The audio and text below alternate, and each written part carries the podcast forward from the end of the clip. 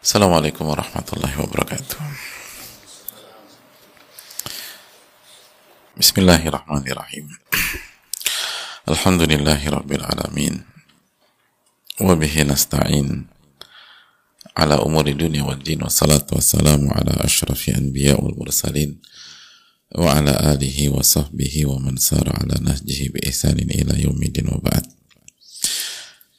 Uh, hadirin Allah muliakan. Alhamdulillah kita panjatkan puji dan syukur kita kepada Allah subhanahu wa ta'ala atas nikmat yang Allah berikan dan Allah limpahkan kepada kita. Sebagaimana salawat dan salam semoga senantiasa tercurahkan kepada junjungan kita. Nabi kita Muhammadin alaihi salatu wassalam beserta para keluarga, para sahabat dan orang-orang yang istiqomah berjalan di bawah naungan sunnah beliau sampai hari kiamat kelak. Allahumma inna nas'aluka ilman nafi'an wa na'udzubika min ilmin la yanfa'. Uh, ya Allah berikanlah kami ilmu yang bermanfaat dan lindungilah kami dari ilmu yang tidak bermanfaat. Allahumma allimna ma yanfa'una wanfa'na bima 'allamtana. Ya Allah ajarkan kami ilmu yang bermanfaat dan Eh, berikanlah manfaat dari apa yang engkau ajarkan kepada kami.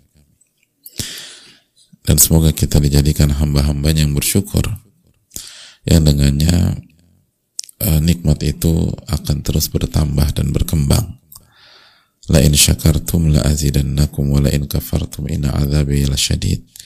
Kalau kalian bersyukur aku akan tambah nikmatku tersebut. Dan kalau kalian kufur tidak bersyukur Inna adzabillah syadid. Adabku sangat pedih. Oleh karena itu marilah kita syukuri hadirin nikmat yang gak henti-hentinya Allah limpahkan kepada kita.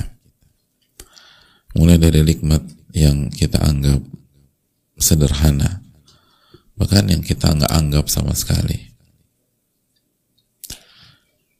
sampai nikmat terindah yaitu nikmat iman, nikmat hidayah nikmat ilmu nafi ilmu yang bermanfaat yang merupakan jaminan kebahagiaan kita di dunia dan di akhirat. Nikmat mengingat kepada Allah Subhanahu wa taala karena nggak mudah mengingat. Mengingat Allah tuh nggak sesimpel yang kita bayangkan. Ada banyak orang itu sangat kesulitan untuk mengingat Allah Subhanahu wa taala dalam sebuah masalah dan kejadian.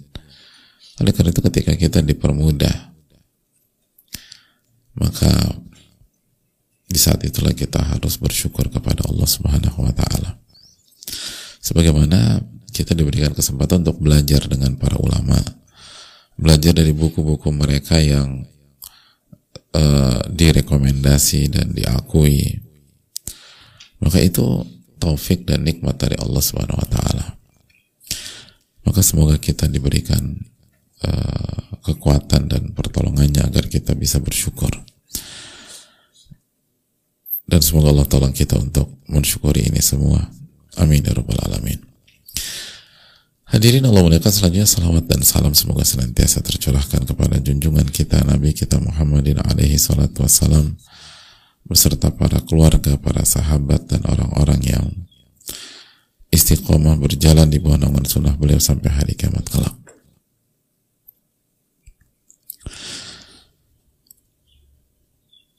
Uh, hadirin Allah muliakan kita akan masuk ke dalil yang pertama dari bab nafkah. Bab nafkah yang dibawakan oleh Imam An-Nawawi rahimahullah taala. Dan sebagaimana kita sampaikan lihat bagaimana Imam Nawawi rahimahullah taala membahas bab nafkah setelah menjelaskan tentang hak suami. Agar atau pesan besar bagi kita agar kita tidak tenggelam dalam euforia hak kepemimpinan. Sehingga nanti larinya ke mau menang sendiri arogan lalu eh, suka-suka uh, dan lupa bahwa setiap hak yang Allah kasih kepada kita itu menang itu mengandung tanggung jawab hadirin. Dan salah satu tanggung jawabnya adalah nafkah. Salah satu tanggung jawabnya adalah nafkah. Dengan uh, nafkah kita sedang berusaha menjalankan kewajiban kita dan tanggung jawab kita. Hadirin Allah muliakan uh, ayat yang pertama atau dalil yang pertama dari bab nafkah ini adalah uh, firman Allah dalam surat Al-Baqarah 233. Imam Nawawi tidak membawakan ayatnya secara utuh, tapi penggalan dari ayat tersebut yang sesuai dengan konteks bab yang sedang kita bahas. Yaitu Imam Nawawi menyampaikan rahimahullahu rahmatan wasi'ah Semoga Allah merahmati beliau, keluarga beliau, orang tua beliau, guru-guru beliau, dan semua ulama kita, dan semoga Allah merahmati kaum muslimin. Kalau Allah Ta'ala, Imam Nawawi rahimahullah menyampaikan, Allah berfirman, subhanahu wa ta'ala, wa alal mauludi lahu rizquhunna wa kiswatuhunna bil ma'ruf.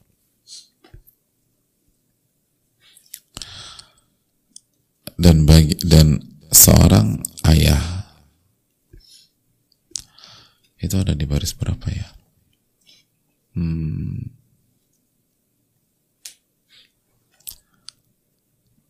Baris ke banyak banget.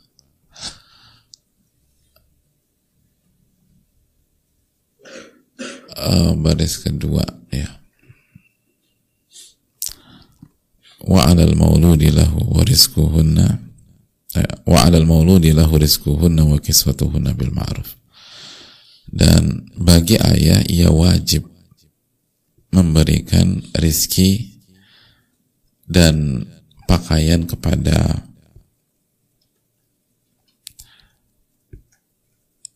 ibu yang menyusui. Atau memberikan nafkah kepada ibu dengan cara yang ma'ruf. Dengan cara yang ma'ruf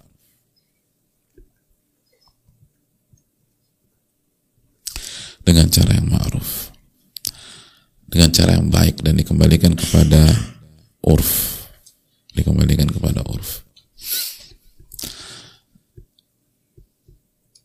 Ayat ini tuh tentang menyusui hadirin. Makanya Allah subhanahu wa ta'ala memulai dengan uh, tanggung jawab seorang ibu. Allah mengatakan Allah berfirman wal walidatu yurdi'na auladahunna haulaini kamilain.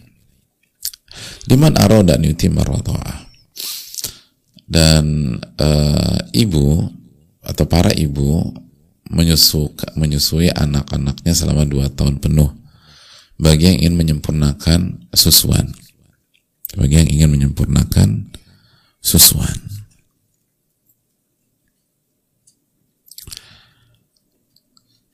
jadi kalau ingin sempurna, maka dua tahun.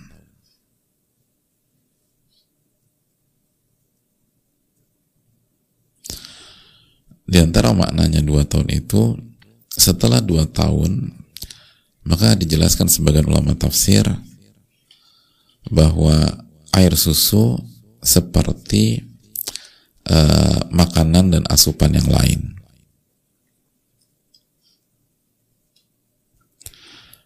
Tidak ada hukum yang berkaitan dengannya ya kecuali makan dan minum aja.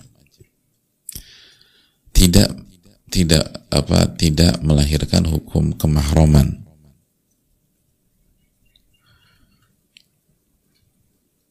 Tidak melahirkan hukum kemahroman. Jadi udah seperti uh, makan minum biasanya. Nah ini perintah kepada wanita untuk menyusui anaknya. Nah, terus suaminya gimana gitu loh? Atau ayahnya, ayahnya anak tuh gimana? Ayahnya harus memberikan nafkah dan atau harus memberikan rizki dan dan uh, kiswah pakaian dengan cara yang ma'ruf dengan cara yang ma'ruf. Dengan cara yang ma'ruf hadirin. Jadi uh, ibu menyusui ayah menafkahi. Nah gitu hadirin. Ibu menyusui dan ayah menafkahi nah hadirin Allah muliakan. Uh, ini pelajaran penting ya. Dan pelajaran pertama bagi kita adalah bagaimana agama kita ini luar biasa hadirin. Hal seperti itu dibahas. Dibahas dalam Al-Quran. Dan diangkatnya dalam Al-Quran itu menunjukkan penting sangat penting.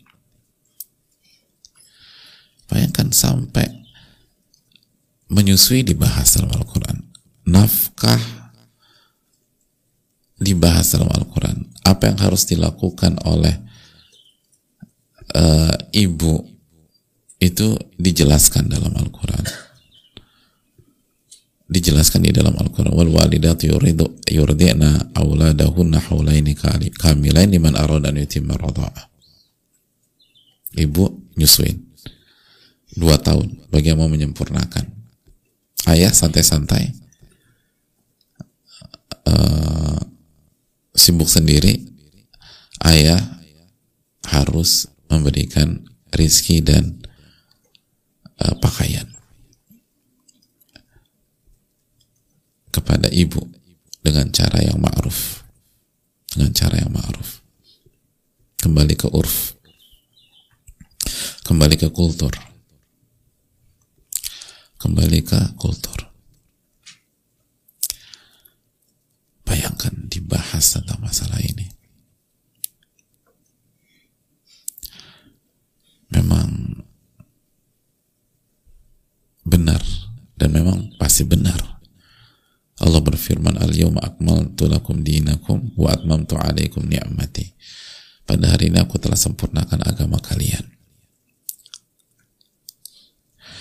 Dan aku sempurnakan nikmatku untuk kalian dan aku ridho Islam menjadi agama kalian. Dalam awal-awal surat Al-Maidah. Al-Maidah ayat berapa? Ayat 3 ya. Jadi agama ini sempurna sampai ini dibahas coba dalam Al-Quran. Sampai ini dibahas. Itu itu harus artinya pembahasan ini harus nambah iman kita gitu loh. Walaupun mungkin kita jomblo, artinya nggak ada kaitan langsung dengan nafkah dan lain sebagainya. Walaupun kita belum dikaruniai anak oleh Allah. Karena pembahasan ini tentang masalah uh, uh, menyusui.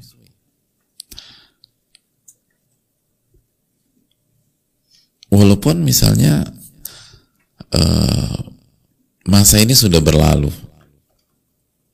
bukan apa, jangankan anak menyusui, kita udah punya cicit misalnya.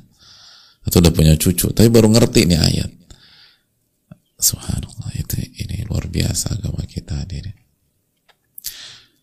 inilah sekali lagi konsep para ulama kita dulu para sahabat kan Umar bin Khattab dan lain-lain ketika uh, kajian atau ngajak memberikan invitasi kajian itu narasinya apa ta'alau nu'min sa'atan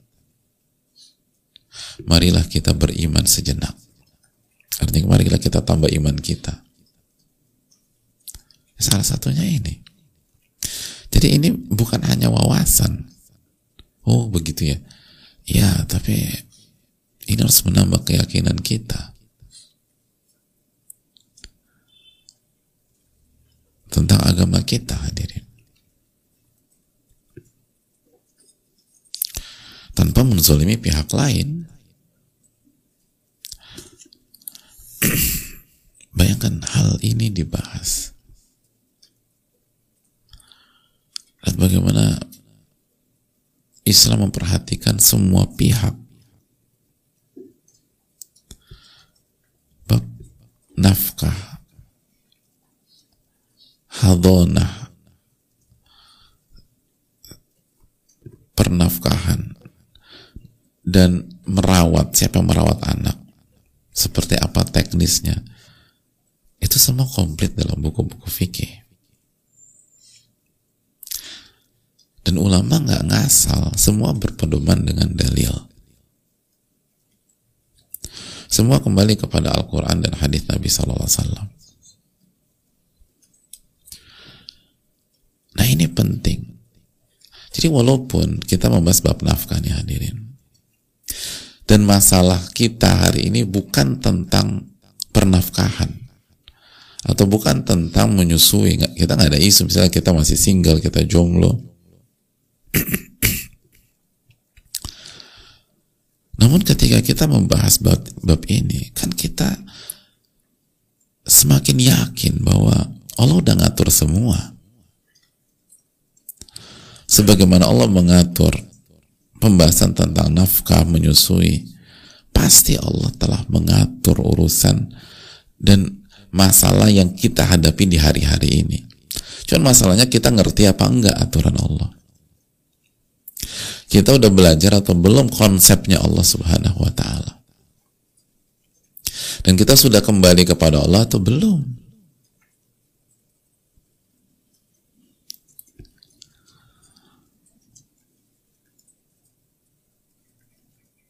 Kan begitu ya kalau kita misalnya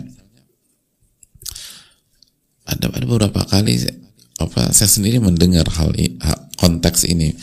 Ada seseorang misalnya beli du, apalagi khususnya dulu ya beli buku ensiklopedi kalau sekarang kan uh, bisa langsung nanya mbah Google dan seterusnya. Atau tanya mbah Google lah. Pokoknya beli buku ensiklopedi terus pembahasan ini ada nggak ya dalam uh, buku ensiklopedi kamu yang ada di rumah? Saya yakin ada bahasanya. Saya yakin ada. Emang udah pernah baca? Belum sih. Tapi saya punya beberapa kasus yang lebih yang lebih aneh daripada pembahasan apa masalah kamu ini itu ada di ensiklopedia itu dibahas. Nah, itu udah aneh-aneh banget. Saya nggak kepikiran itu dibahas dalam ensiklopedia tersebut. Bagi menurut aku, apalagi masalah kamu, ini kan uh, banyak banget yang ngalamin. Ini common banget nih. Saya yakin sih ada. Coba kita cek ya nanti pas sampai di rumah harus dicek ada. Ah benar kan? Ada. Ada.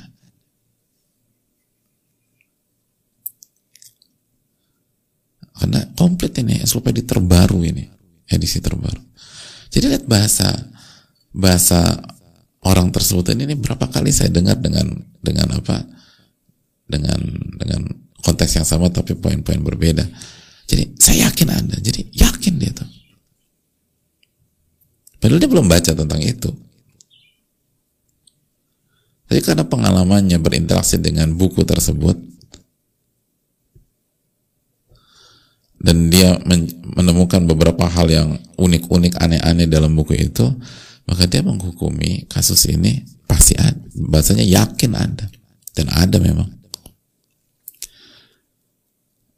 Lalu bagaimana dengan Al-Quranul Karim? Bagaimana dengan firman Allah? Bukankah pembahasan tentang nafkah ini harus menambah keimanan kita.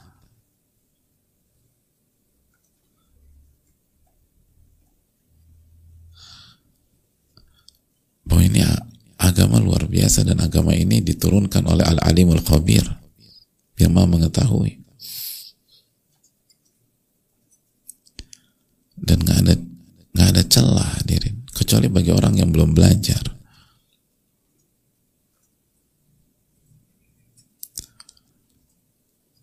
Bagi orang yang nggak belajar atau nggak utuh atau belajarnya nggak ikhlas. Hal seperti ini dibahas dalam Al-Quran. Bukankah ini harus menambah keimanan kita dan harus yakin bahwa Allah pasti tolong kita dalam setiap ujian-ujian kita? Dan Allah menjelaskan konsepnya Allah menjelaskan ilmunya, Allah menjelaskan metodenya, Allah menjelaskan tata caranya.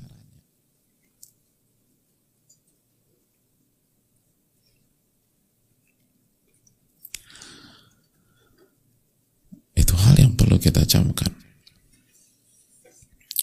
Pelajaran yang kedua lihat bagaimana Allah Subhanahu wa taala sangat eh, memberikan pesan kepada kita tentang perhatian kepada wanita dan perhatian kepada anak. Wal walidatu yurdi'na auladahunna haulaini kamilain. Dan para ibu hendaknya ia menyusui anaknya selama dua tahun liman arada an yutimma radha'ah bagi orang yang menyempurnakan persusuannya lihat ini hak anak diperhatikan.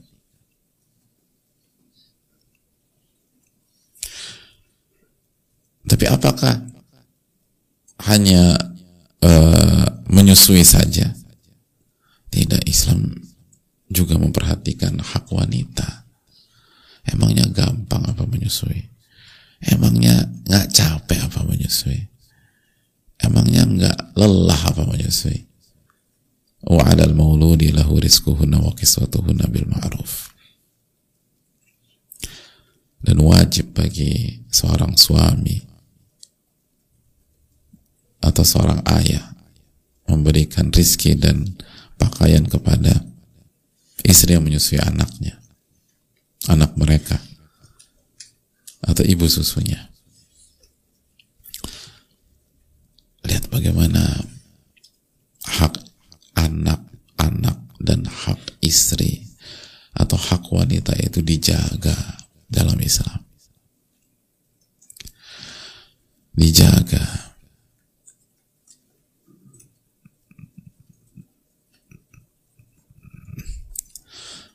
itu luar biasa makanya sekali lagi dulu itu goalsnya ngaji itu iman hadirin. Ta'alau nu'min sa'atan. Jadi datang ke kajian itu pulang bukan hanya membawa pengetahuan.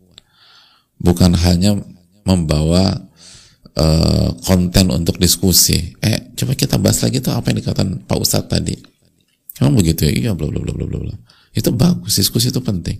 Tapi yang paling penting adalah selesai kajian, pulang dari kajian, kita harus bawa pulang iman yang berbeda. Iman hadirin. Seorang istri, seorang wanita, seorang ibu, setelah membahas ayat ini, dia harus pulang bawa iman, bawa robnya sayang sama dia dan memperhatikan dia dan peduli sama dia dan ngejagain dia.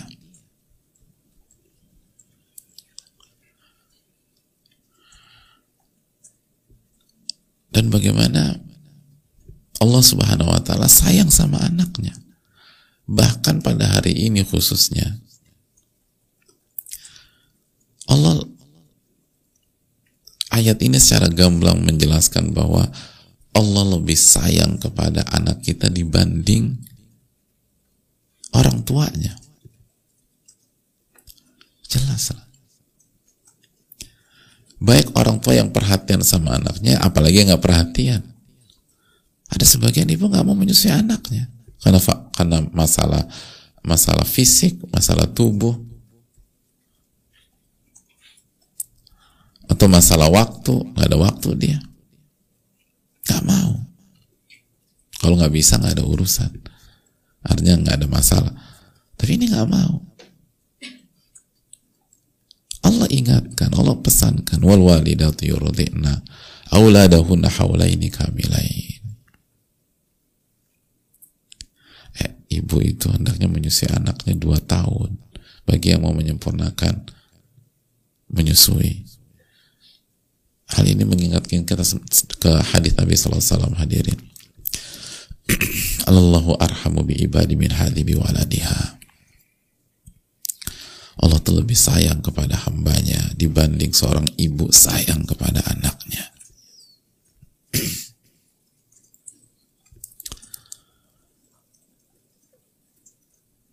Hadirin, masa iya kita nggak mau ngikutin perintah Allah? Masa kita nggak mau jauhin larangan-larangan Allah? Bukti-bukti sudah banyak bahwa perintah dan larangan itu untuk kebaikan kita, untuk kepentingan kita. Allah tuh nggak butuh sama kita. Allahus samad. Allah nggak butuh sama siapa pun. Faman sya'afal yu'min wa man sya'afal yakfur. Allah berfirman, barang siapa yang mau beriman silahkan beriman. Yang mau kufur silahkan kafir, kata Allah. Gak masalah.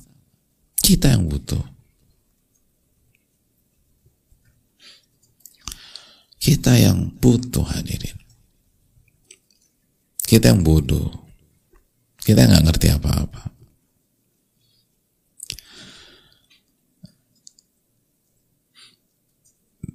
Dan Allah Subhanahu wa taala sudah memberikan kebutuhan kita. Cuman kita nggak belajar.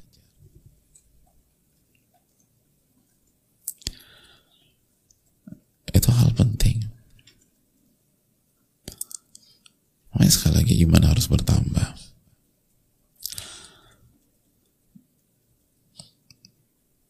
Pelajaran yang berikutnya hadirin Allah muliakan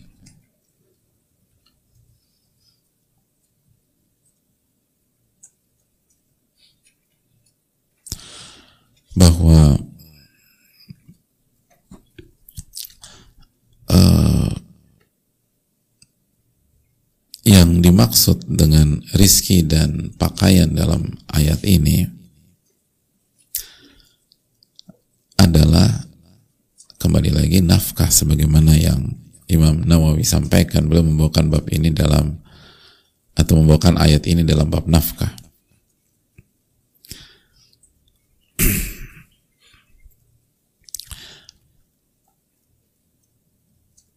nafkah dan uh, ditekankan oleh sebagian para ulama.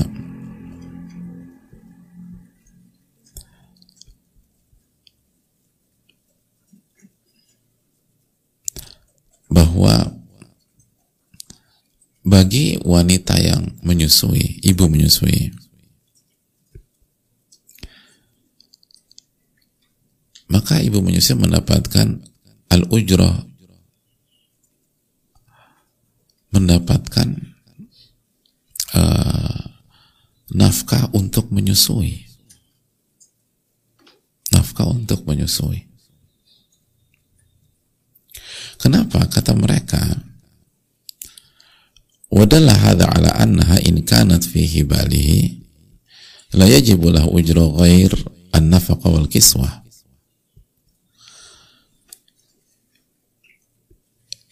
uh, hal ini menunjukkan bahwa kalau belum menyusui atau masih hamil, maka ia tidak mendapatkan apa pun kecuali nafkahnya dan pakaian. Belum kalau belum menyusui ya, tapi kalau sudah menyusui dia punya hak nafkah menyusui.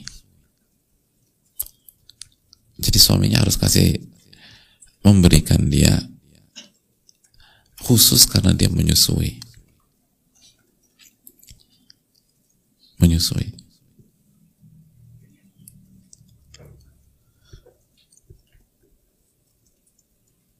Jadi ini luar biasa hadirin.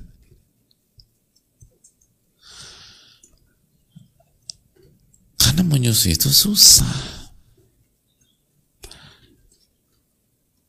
dan aktivitas tambahan dari aktivitas normal sebelum sebelum itu. Yang awalnya pasangan suaminya bangun jam setengah empat gitu. Begitu menyusui maksudnya bangunnya jam satu jam dua. Makanan juga sering kali ditambah biar maksimal memberikan asupan gizi ke anak. Lalu capek, harus digendong terus. Lembur, lemburnya nggak tanggung tanggung kita kalau lembur sampai isya aja dapat uang lembur nggak ini dapat uang lembur sampai isya? Nggak dikasih. Nanti nggak kasih uang lembur Hah? apa? Dapat. Sampai isya. Ini istri kita lembur jam satu itu loh kalau menyusui. Kita cuman eh bangun. Gitu. Lah itu harus dikasih itu kata para ulama. Kita cuman eh aja.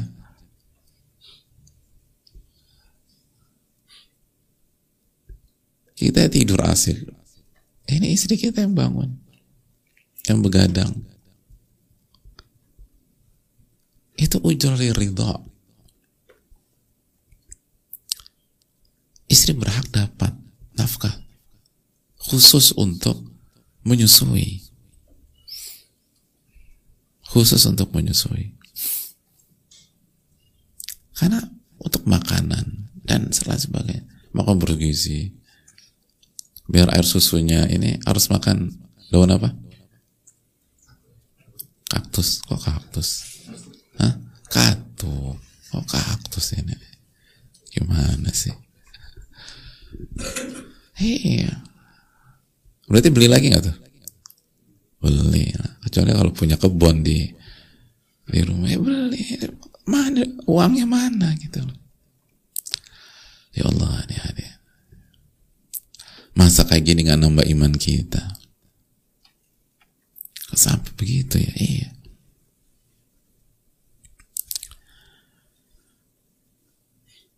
anak saya tujuh Pak Ustadz kok nggak dikasih ya makanya nggak belajar ini masalahnya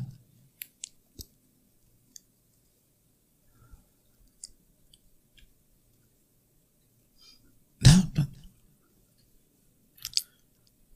dan kiswah pakaian pakaian.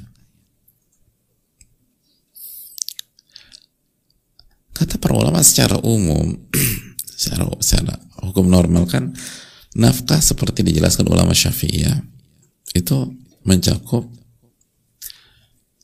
makanan to'am. Lalu idam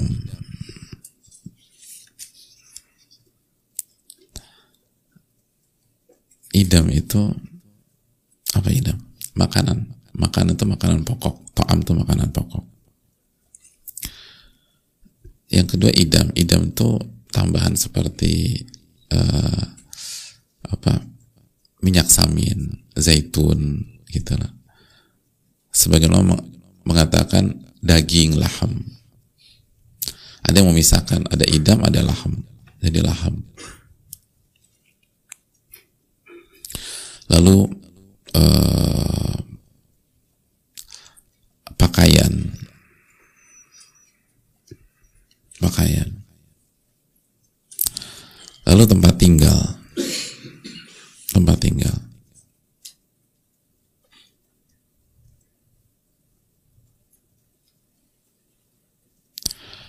Lalu uh,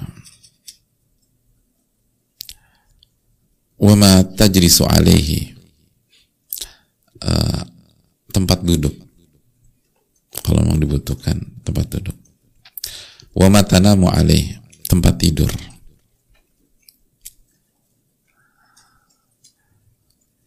Wa tataghatta bihi uh, ruang privasi ruang untuk privasi istri. Wa alatul akli wa syurbi wa tabakh dan alat makan, minum dan memasak.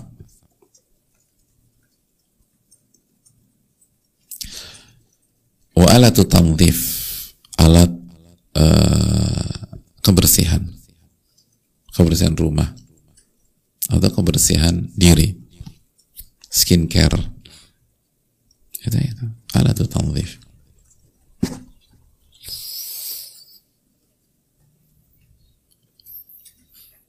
lalu uh, al-ikhdam ART bagi bagi sebagian wanita. Nanti kriterianya ART nggak kepada semua ke semua istri.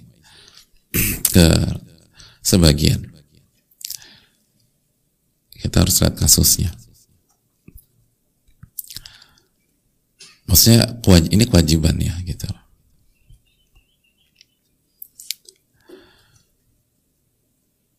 uh, kalau pengobatan gimana? Uh, banyak ulama tidak memasukkan pengobatan. Sebagaimana madhab syafi'i tidak. Berarti nggak dikasih. Berarti keutamaan bukan kewajiban. Tapi itu kebaikan suami. Kalau suami uh, biayai maka itu keutamaan. Sama seperti misalnya uh, istrinya tidak dalam kategori wajib di disupport dengan ART lalu suami kasih ART maka itu keutamaan suami.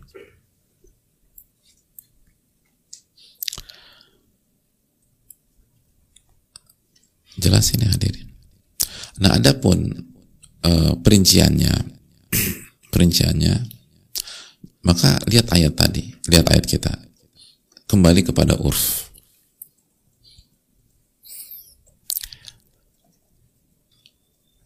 Jadi sebelum saya lanjutkan, adapun tadi pengobatan terjadi silang pendapat di kalangan para ulama dan banyak para ulama syafi'i mengatakan itu tidak termasuk nafkah. Tapi sebuah keutamaan kalau suami membiayai pengobatan istri. Tapi sebagian ulama mengatakan enggak itu masuk karena uruf kita, apalagi misalnya di Indonesia gitu ya. Kalau berobat siapa yang bayar? Suami. Jadi itu masuk ke uruf. Ada uh, pembicaraan dalam masalah ini. Kita tidak masuk ke perincian uh, fikih, tapi agar ada gambaran. Nah, adapun perinciannya secara umum dikembalikan pada urf dikembalikan kepada urf, kultur yang berlaku. Sebagai contoh ya, sebagai contoh uh, ayat ini menyebutkan pakaian. Uh, dalam madhab syafi'i rahimahullah dalam madhab syafi'i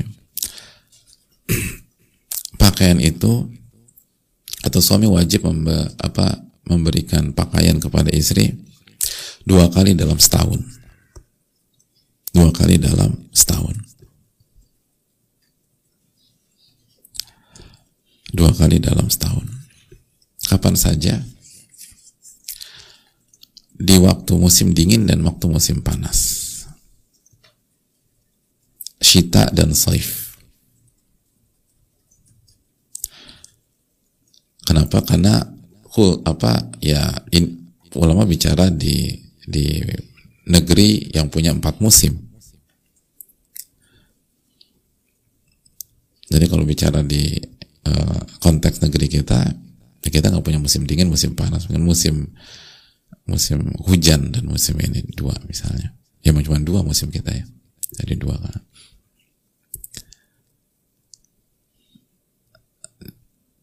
Jadi itu musim dingin dan musim panas. Dan kalau urfnya kata para ulama,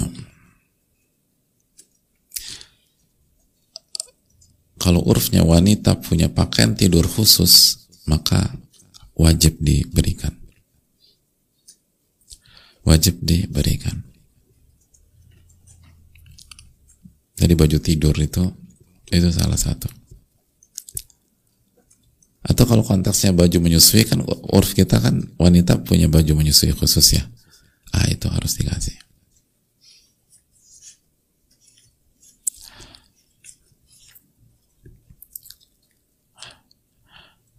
Adapun tadi kalau dalam madhab syafi'i kultur empat, empat, empat musim berapa kali? Dua kali musim. Musim musim dingin, musim panas. Kalau musim panas, kata para ulama syafi'iyah, istri berhak dapat komis, baju, sirwal, bawahan, khimar, dan uh, alas kaki, sepatu atau sendal. Jadi clear lah itu secara umum. Kalau uh, musim dingin ditambah jubah, ditambah uh, baju musim dingin jaket atau uh, uh, yang semisal coat atau apalah.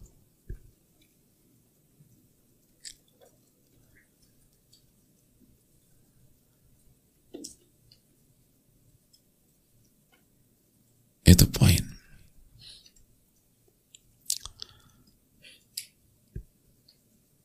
Jadi kalau misalnya menyusui berarti ada tas tas apa tas ribet ya kalau ibu bawa tas ah, itu juga. Hadirin lihat bagaimana ulama kita mengatur itu secara detail. Antum pernah kebayang gak sih sebelum hijrah gitu bahwa agama kita buku-buku lama tuh ngebahas masalah beginian? Masalah ini. Harus dikasih apa baju atasan bawahan uh, alas kaki jaket. Sampai jaket. Istri itu suami harusnya. Kalau nggak ada.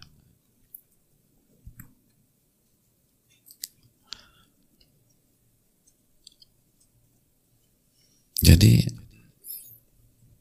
dalam urf ini kultur ini dalam madhab syafi'i berarti istri itu belanja baju berapa kali setahun? Dua kali ini data yang menyenangkan istri apa merugikan ya kalau di kita? Jadi cuma dua kali bahkan bisa jadi cuma dua kali. Ya kalau lebih dari itu berarti bonus dari suami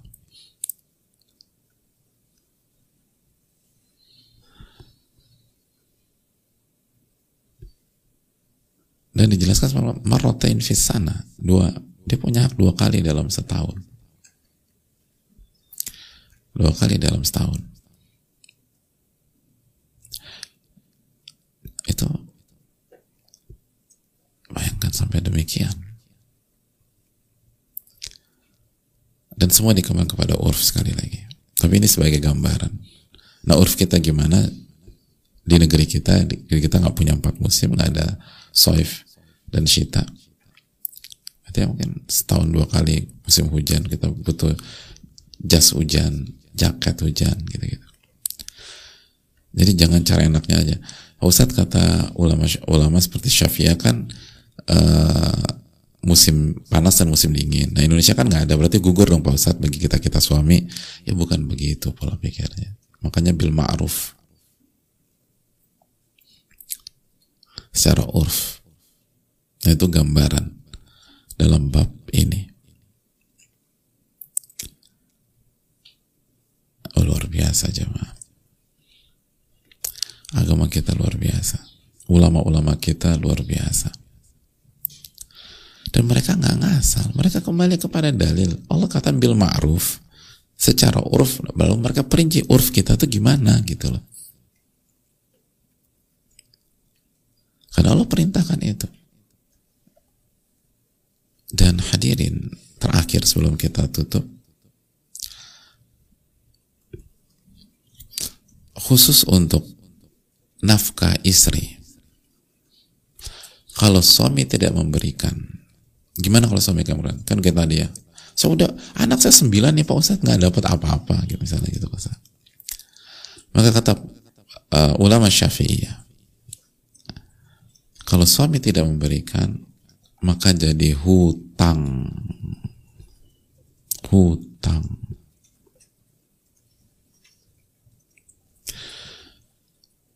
Jadi jangan senang dulu para suami. Alhamdulillah Pak Ustadz aku ngaji ini setelah anakku yang sebelas itu udah gede-gede semua. Alhamdulillah. Lo berarti ada hutang sebelas anak. Gitu loh. Jadi jangan, Alhamdulillah aku baru tahu sekarang. Ternyata ada, ada hikmahnya juga ya terlambat ngaji Pak Ustadz ya. Lo bukan. Anda punya hutang sama istri Anda itu loh. Lihat bagaimana Islam tuh ngejaga hak wanita itu sampai begitu kok bisa ya ada orang bilang wanita itu didiskreditkan di dimarginalkan dianggap warga kelas dua itu pakai argumentasi apa itu loh pakai referensi yang mana Jadi hutang. Jadi jangan senang-senang dulu. 10 tahun kita nggak nafkahin istri kita, 10 tahun itu hutang kita sama istri kita. 20 tahun kita nggak nafkahin istri kita, 20 tahun kita hutang sama istri kita. Kecuali kalau istri kita menggugurkan semuanya. Dan itu keutamaan istri kita, bukan karena kita baik. Kecuali kalau istri kita memutihkan, itu boleh dong. Dan namanya juga utang piutang. Orang punya utang sama kita, udah nggak usah bayar, saya ikhlaskan. Boleh apa enggak? Boleh. Dan itu keutamaan istri. Tapi ini harus di, diberitahu biar suami nggak gampangan di, kadang-kadang kita ini ya pokoknya pengennya kawin aja kawin aja tapi nafkah nggak dibayar kasih dan itu ini semakin membuat kita tuh weh, agama kita tuh berkelas sekali hadirin. Dan lihat para ulama membahas masalah ini. Itu hal yang makanya kita ini khususnya bagi suami jangan apa jangan gampang lah berbicara tentang hal ini. Jangan utang kita banyak sama istri kita dan istri kita putihkan terus utang kita putihkan utang kita terus dengan so arogannya kita bilang saya ini pemimpin di rumah ini itu kalau istri kita bilang mas bayar utang dulu mas bayar utang itu pak loh Mas, mesti bicara pemimpin, bayar utang dulu deh. Untung istri kita baik hadirin.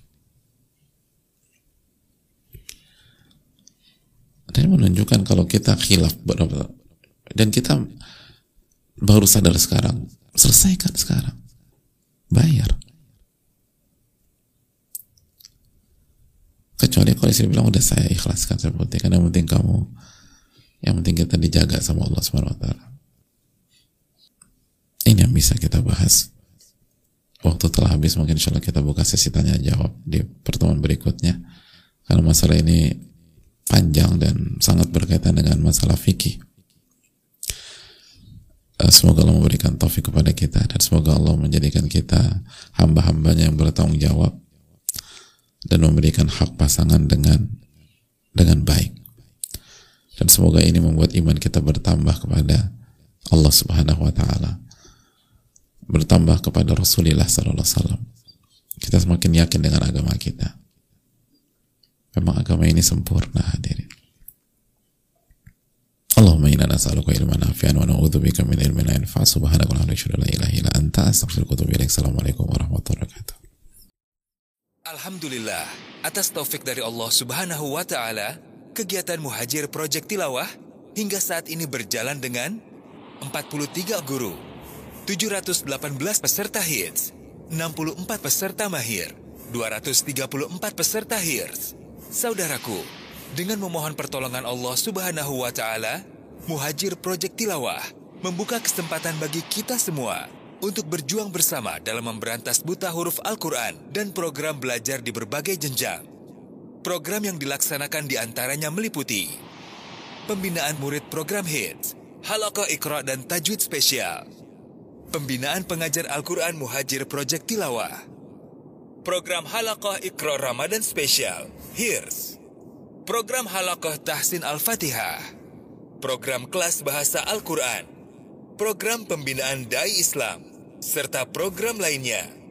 Belajar dan mengajarkan Al-Quran merupakan amal soleh yang penuh dengan pahala jariah, insya Allah. Bahkan, Rasulullah Shallallahu Alaihi Wasallam menyebut umatnya yang belajar dan mengajarkan Al-Quran sebagai manusia terbaik.